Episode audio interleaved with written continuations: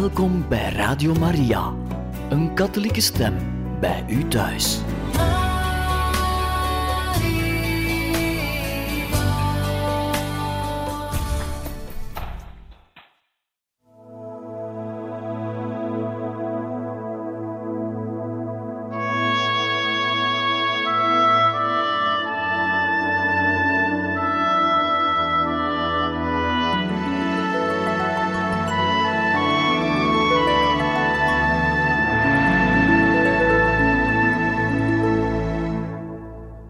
Goede vrienden, beste luisteraars van Radio Maria. Welkom in het programma Heiligen Getuigen. En we gaan voor u verder het boek voorlezen. We worden geboren om nooit meer te sterven. Het verhaal van Chiara Corbella Petrillo. En we zijn gekomen aan de laatste levensfase van Chiara. In de vorige uitzending hebben we gehoord over hun bedevaart naar Medjugorje. In het begin van de maand mei, de maand van Maria, kregen Enrico en Chiara de kans om paus Benedictus XVI te ontmoeten. Tijdens zijn audiëntie op woensdag 2 mei op het Sint-Pietersplein stonden ze dicht bij het voorplein. Onder een brandende zon wachten ze op het einde van de ontmoeting, het moment waarop enkele aanwezigen dichterbij mochten komen naar de loggia, galerij, om de opvolger van Petrus te groeten. Het was heel warm, maar toen Enrico zijn paraplu opendeed om zijn vrouw tegen de zon te beschermen, kwam er een man van de beveiliging om hem tegen te houden. Enrico kon hem niet op tijd uitleg verschaffen en werd terechtgewezen. Om naar de hemel te komen moet je lijden. Je weet niet wat je hebt gezegd, mompelde Enrico bij zichzelf.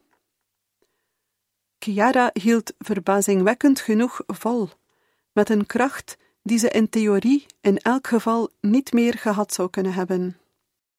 Het was altijd zo, dacht Enrico. Ze leed, maar haar pijn werd verzacht. Sommige erge dingen, zoals haar gezichtsverlies, drukten veel minder op haar dan je gedacht zou hebben. Als je haar zag, leken ze zelfs helemaal niet op haar te drukken. De Heer gaf haar de kracht om te doen wat ze moest doen. Als Chiara de paus moest ontmoeten, dan zou ze hem ontmoeten en de genade krijgen om het urenlang onder een hete zon vol te houden. En dat was wat er gebeurde. De avond ervoor, nadat ze een hele middag in haar kledingkast naar kleren had gezocht die haar nog goed stonden, verborg Chiara haar verbazing niet over de ontmoeting van de volgende dag. We krijgen zoveel genaden, had ze tegen Lucia gezegd. Toen het moment was aangebroken, kwamen Enrico en Chiara, die Francesco in haar armen hield, dichter bij Benedictus XVI. Zodra de paus de zegen wilde geven aan Chiara en de baby, sprak Enrico: Heilige Vader, we hebben al twee kinderen in de hemel. De paus stopte en keek hem aan. Al twee kinderen in de hemel? Maar ze hadden maar een ogenblik. Het protocol verbood om zich langer dan dertig seconden met de paus te onderhouden. Enrico wist het hij werd verwittigd.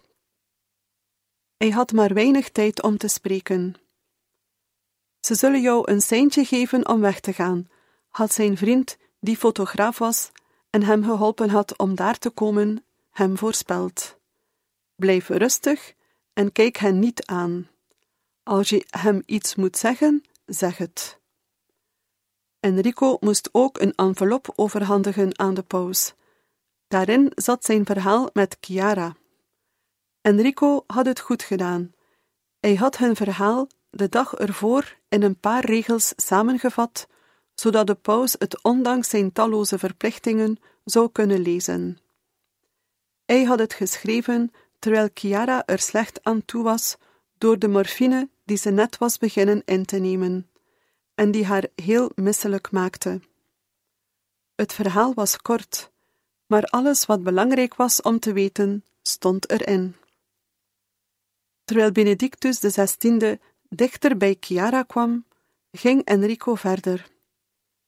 Heilige Vader, we zouden ook nog willen zeggen dat Francesco geboren is omdat Chiara de behandelingen uitgesteld heeft. Nu is ze terminaal ziek. De Heilige Vader lichtte op. Hij was ontroerd en hij omhelsde haar. Enrico keek toe hoe de paus Chiara vasthield, en hij dacht dat ze echt alles gedaan hadden wat ze konden doen. Met dank aan God overhandigde hij de brief, en terwijl ze hem een seintje gaven om te vertrekken, ging hij weg met zijn vrouw en Francesco. Na een paar pogingen om in hun eigen huis te wonen, beslisten Enrico en Chiara uiteindelijk om definitief met Francesco te verhuizen naar het huis van de familie Corbella op het platteland buiten Rome. Het gebied dichtbij Manziana wordt Pian della Carlotta genoemd. Het huis situeert zich op de top van een kleine heuvel en is ondergedompeld in schoonheid. Aan het einde van de helling opent de zee van Rome zich. Van daarboven is de zonsondergang betoverend en krachtig. Het is het toevluchtsoord waar Chiara de laatste maand van haar leven doorbracht.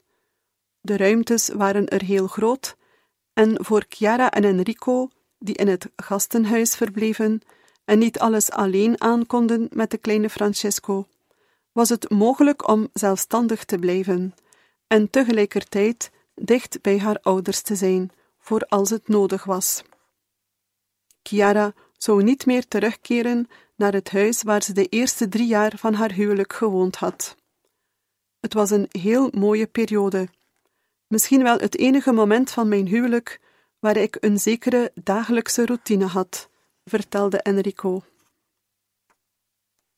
Pater Vito kwam vanuit Cagliari, Sardinië, waarheen hij intussen overgeplaatst was, vaak naar hen toe. Op 5 mei waren veel vrienden in Carlotta samengekomen voor een mis. In het evangelie van de dag zei Jezus dat de zoon zien de vader zien is. Pater Vito becommentarieerde: Via Chiara zien wij de vader, zien wij God. Daarom is het zo mooi om dicht bij haar te zijn.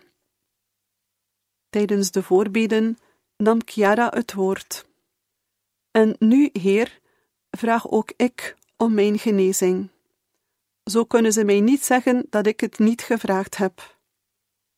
Er waren er die dachten dat Chiara er zich bij neergelegd had, dat ze niet in leven wilde blijven. Dat was helemaal niet zo.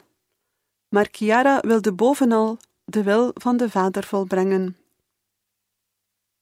Juist omdat zij de schoonheid van een kind van God uitstraalde, was er een continue processie van mensen die haar wilden ontmoeten, haar leren kennen, haar zien. Maar waarom komen ze hier? Wat moet ik tegen hen zeggen? Ik heb niets te zeggen, zou ze stellen. Ze besefte niet hoe mooi het was om dicht bij haar en Enrico te zijn. Voor sommigen was dat zelfs essentieel. Chiara was niet zoals het grootste deel van de terminaal zieken die zich met al hun kracht aan het leven vastgrepen. Nadat je naar haar geluisterd had of haar gezien had, keerde je vernieuwd naar huis terug. Ze zoog het leven niet uit hen die haar kwamen opzoeken, maar ze gaf leven. Wie van op afstand aan hun situatie dacht, voelde het lijden, maar wie daarentegen dicht bij hen was, voelde troost, de vruchten van een echte wijsheid. De rozenkrans bidden op donderdagen werd verder gezet en verhuisde naar Piandella Carlotta. Naast de families die er altijd al waren, nam het aantal mensen dat Chiara wilde ontmoeten elke keer toe, en het gemeenschappelijke gebed bleek een optimale manier om deze groeiende aanwezigheid te leiden. De familie Corbella opende de deuren van hun huis en er kwam zelfs tot zeventig mensen, zoveel dat ze zich moesten verplaatsen van de woonkamer van het gastenhuis, waar Enrico en Chiara verbleven, en dat ook wel Il Campano, het schuurtje genoemd werd, naar de hobbyruimte van het hoofdhuis, die ruimer was. De avond begon met persoonlijke intenties. Daarna baden ze en zongen ze. Chiara kon er niet altijd bij zijn door de pijn, maar als ze er was, gebeurde het dat ze ook viool speelde. Ze was altijd rustig, hoopvol, vreugdevol. Ze zat in de stoel naast Lucia, die zwanger was van haar vierde kindje, en naast haar grootmoeder. Toen iedereen opstond om te bidden, zei ze tegen haar grootmoeder: Nonna, niet gaan staan, blijf naast mij zitten, wij hebben dat recht. Als Pater Vito erbij was, was er ook aanbidding, en baden ze voor het heilige sacrament dat uitgesteld werd. Vrienden, familieleden en bekenden, maar ook veel mensen die in de tussentijd het verhaal van Chiara en Enrico gehoord hadden en erdoor geraakt waren, kwamen daar vanaf negen uur s'avonds samen. En nadat ze gegeten hadden, bleven ze vaak tot laat in de avond.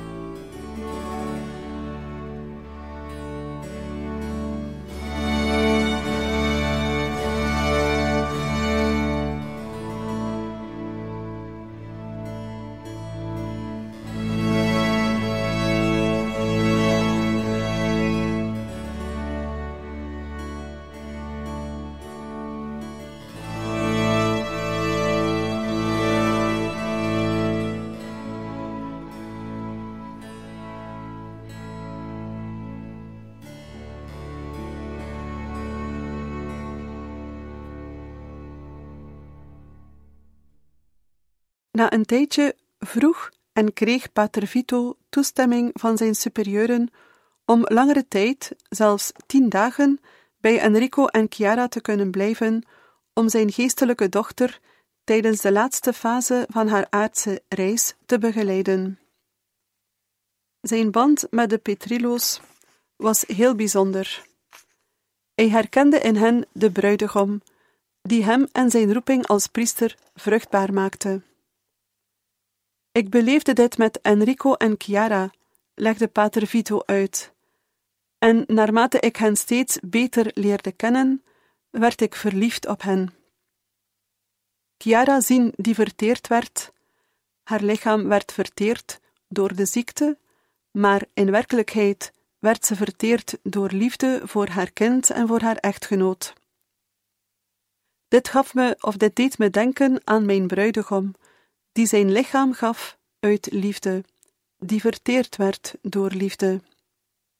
Ik zei: Maar kijk eens hoeveel ze op u lijken, kijk eens hoe mooi ze zijn. De band van Chiara en Enrico met Pater Vito was het symbool van een werkelijkheid die veel groter was, en die hun roepingen en de sacramenten met elkaar verbond. De priester toonde hun wie God is. Zij lieten aan de priester zien op welke manier God lief heeft. Dicht bij God zijn was nu voor Enrico en Chiara het belangrijkste. Ze wilden deze beproeving met de Heer beleven.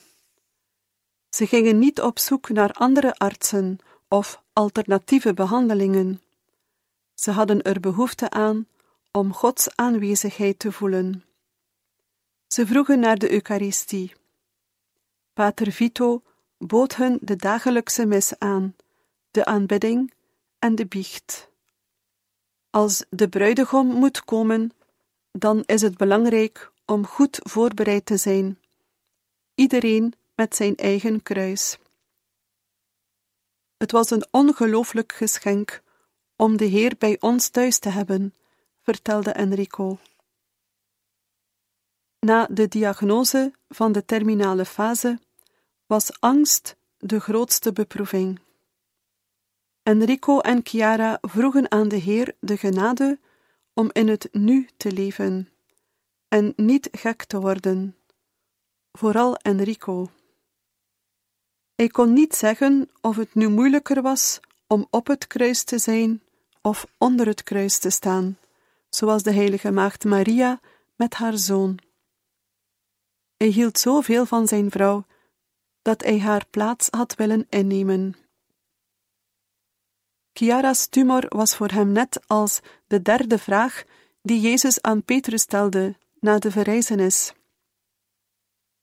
Nadat hij Maria Grazia Letizia en Davide Giovanni vergezeld had op hun weg naar de hemel, hoorde hij het nu nog eens vragen: Hebt ge mij meer lief dan deze? Maar zijn antwoord was opnieuw hetzelfde. Ik begrijp Petrus, die antwoordde: Ja, Heer, gij weet dat ik u bemin, vertelde Enrico. In die zin dat u het mij zoveel keer kunt vragen als u wilt. Ik ben al verliefd. U weet dat ik van u hou. U hebt me al te pakken. Ik heb u al ontmoet. Wanneer deze gemeenschap er is, die helemaal geen onderwerping is, kan God grote dingen doen. Nadat Petrus met hart en ziel op de derde vraag geantwoord had, vertrouwde Jezus hem de missie toe om zijn broers in het geloof te bevestigen. Petrus moest zich er eerst van bewust worden hoeveel hij van zijn Heer hield. Een andere Bijbelse personage onderging dezelfde weg. Abraham moest zijn eerstgeboren zoon, Isaac, offeren. God weet heel goed dat Abraham zijn zoon op de berg gedood zou hebben. God weet dat Abraham meer van hem houdt dan van zijn zoon. Het was Abraham die het niet wist. Hij was tot aan de berg Moria gereisd en vroeg zich af wat er bij zijn aankomst zou gebeuren. Een paar commentatoren onderlijnen dat het uit de Bijbelversen niet duidelijk blijkt of dat God het kind opnieuw aan Abraham gaf nadat hij hem offerde, of dat hij Abraham tegenhield voordat hij het kind doodde. Misschien heeft Abraham echt zijn zoon gedood en heeft God hem weer opgewekt.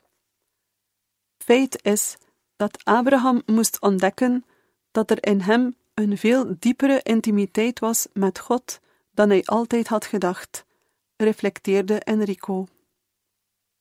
En zo had ook Enrico, zoals wij zagen, na de dood van hun twee kinderen en met de ziekte van zijn vrouw, een gelijkaardige ervaring.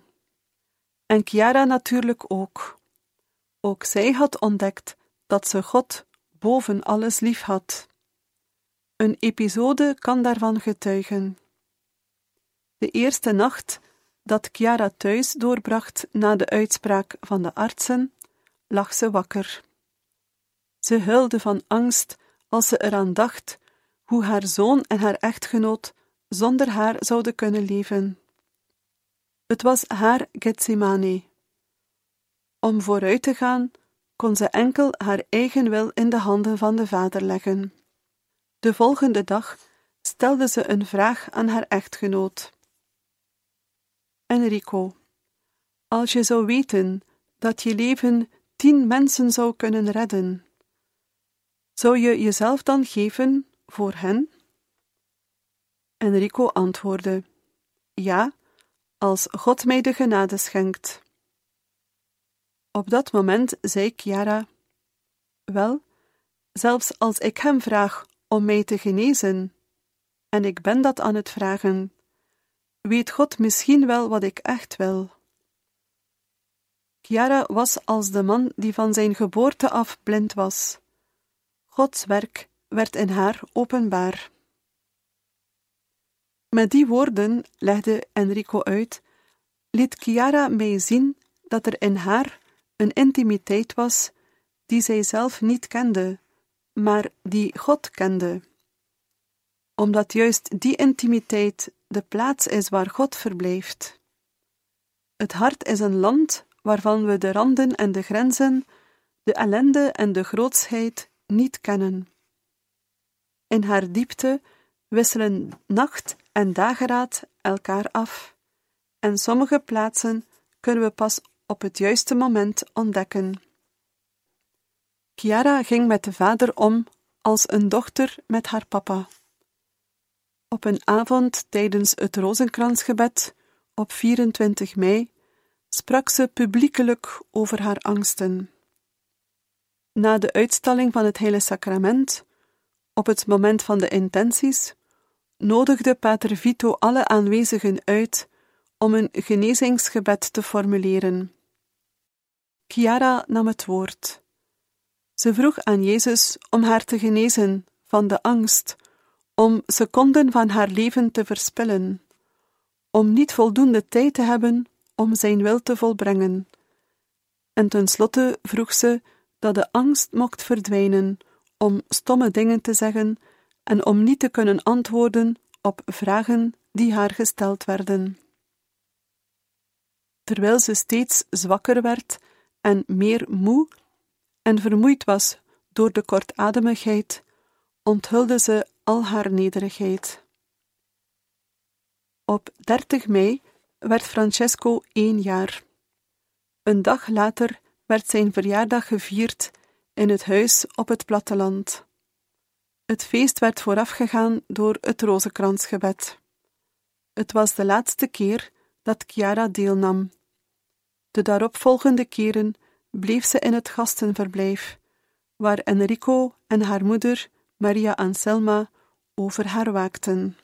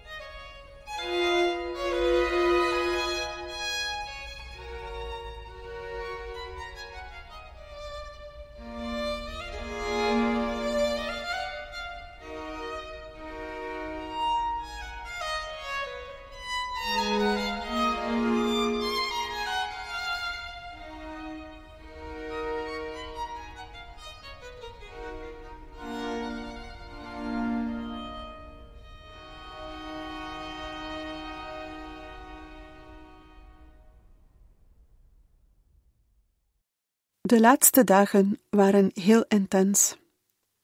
Enrico bleef de genade vragen om in het nu te leven, om onder het kruis te blijven naast zijn vrouw.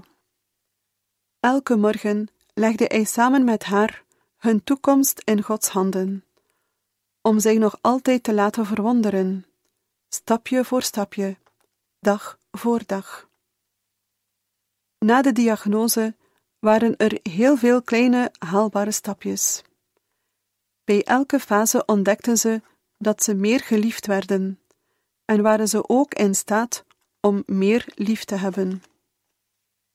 In liefde kan geen middelmaat zijn en ook niet gerentenierd worden. De keuzes die ze in het verleden gemaakt hadden, waren niet genoeg en er moest opnieuw gekozen worden. Steeds meer leek het voor Enrico dat Chiara het vers van Jesaja belichaamde, waarin de profeet zei dat hij zijn eigen gezicht zo hard als een steen maakte. Een Bijbelpassage die Jezus afbeeldt terwijl hij naar Jeruzalem ging om zijn missie te vervullen. Toen het einde van haar leven dichterbij kwam, had Chiara een vaste blik. Ze liet zich niet meer afleiden door onzinnige dingen. Ze was steeds meer vastbesloten om naar het paradijs te gaan, om haar Jezus te bereiken. Zozeer zelfs dat ze bijna onverschillig leek voor wat er rondom haar gebeurde. Ze wilde volledig alles in de Heer bezetten, waakzaam zijn om trouw Jezus woord te volgen, tot haar laatste adem, met alle geestdrift en ijver die ze bezat. Met deze keuze verwelkomde ze de genade om in het heden te leven. De tijd van het lijden is een tijd die voorbij gaat. Het kruis is een tijdelijke setting, zoals Don Tonino Bello schreef. Chiara en Enrico lazen dit stukje voor tijdens een rozenkransavond met de groep. Het deed de angst smelten in de harten van wie naar hen luisterde. Daniela maakte een kunstwerk met deze uitdrukking, die altijd naast het kruis zou staan, voor het bed van Chiara en Enrico, om hen hoop te geven, om hen te zeggen dat ze er bijna waren. Chiara was echt aan het kruis. In de maand mei was haar pijn die van Calvarie, en ze beleefde de pijnen in geloof, terwijl ze zich met al haar kracht aan Jezus vastgreep. Haar oog deed pijn. Na de terugkeer van Medjugorje was ze begonnen met symptomatische radiotherapie om het lijden te verzachten. De behandeling verminderde de hevigheid van de pijn, maar kon deze niet wegnemen en het dubbelzien niet oplossen. Ze had ook pijn aan haar mond, zoveel zelfs dat ze vaak problemen had om haar mond open te doen door de uitzaaiingen in haar hals. Ze slikte medicijnen samen met een hostie die in water was gedrenkt. Bovendien had ze ook veel pijn aan de borst. Bij elke hoest voelde het aan alsof haar rug doorstoken werd, zowel bovenaan als onderaan. De borstvliezen, die normaal langs elkaar heen bewegen, hadden door de tumoren de neiging om aan elkaar te blijven zitten en weer los te scheuren. Verder werd de hoest veroorzaakt door de tumor in de bronchiën, en wanneer de hoestbuien na elkaar kwamen, moest ze ook braken. Door de morfinetherapie had ze een continu gevoel van misselijkheid. Ze probeerden de dosis wel zo te regelen dat de pijn laag gehouden werd en ze er tegelijkertijd niet van moest braken. Alsof dat allemaal nog niet genoeg was, werden de kortademigheid en de uitputting steeds erger, en bijna elke dag verscheen er een nieuwe knobbel op haar lichaam, daar waar ze de dag ervoor een nieuwe pijn had gevoeld. Chiara zei: Kijk, het draakje. Er was geen disharmonie tussen Chiara en haar lichaam. Ze leed, ja, maar haar lichaam behoorde haar toe en daarom verachtte ze het niet. Voor haar bestond enkel het huidige moment, zoals het voor iedereen zou moeten zijn die zegt dat hij Jezus volgt. Jara gehoorzaamde elke dag. Er was geen morgen of gisteren, alleen maar vandaag. Ondanks het feit dat haar energie minimaal was, beleefde ze de naastenliefde zo goed als ze kon. Zoals tijdens een mis, toen ze merkte dat haar grootmoeders voet van de rolstoel afgeraakt was doordat haar been beefde. Haar grootmoeder had kort daarvoor een beroerte gehad. Niemand had het gemerkt, behalve zij. Met pijn stond ze op en zette de voet weer op zijn plaats. Ze maakte ook een pakketje om aan Gaia cadeau te geven, haar terminaal zieke vriendin met wie ze het kruis deelde. Op de trui die in het pakje zat, liet ze schrijven: De nacht moet sowieso voorbij gaan. Liefde bezat haar ten volle op de enige manier waarop je iets ten volle kunt bezetten, namelijk in de Heer.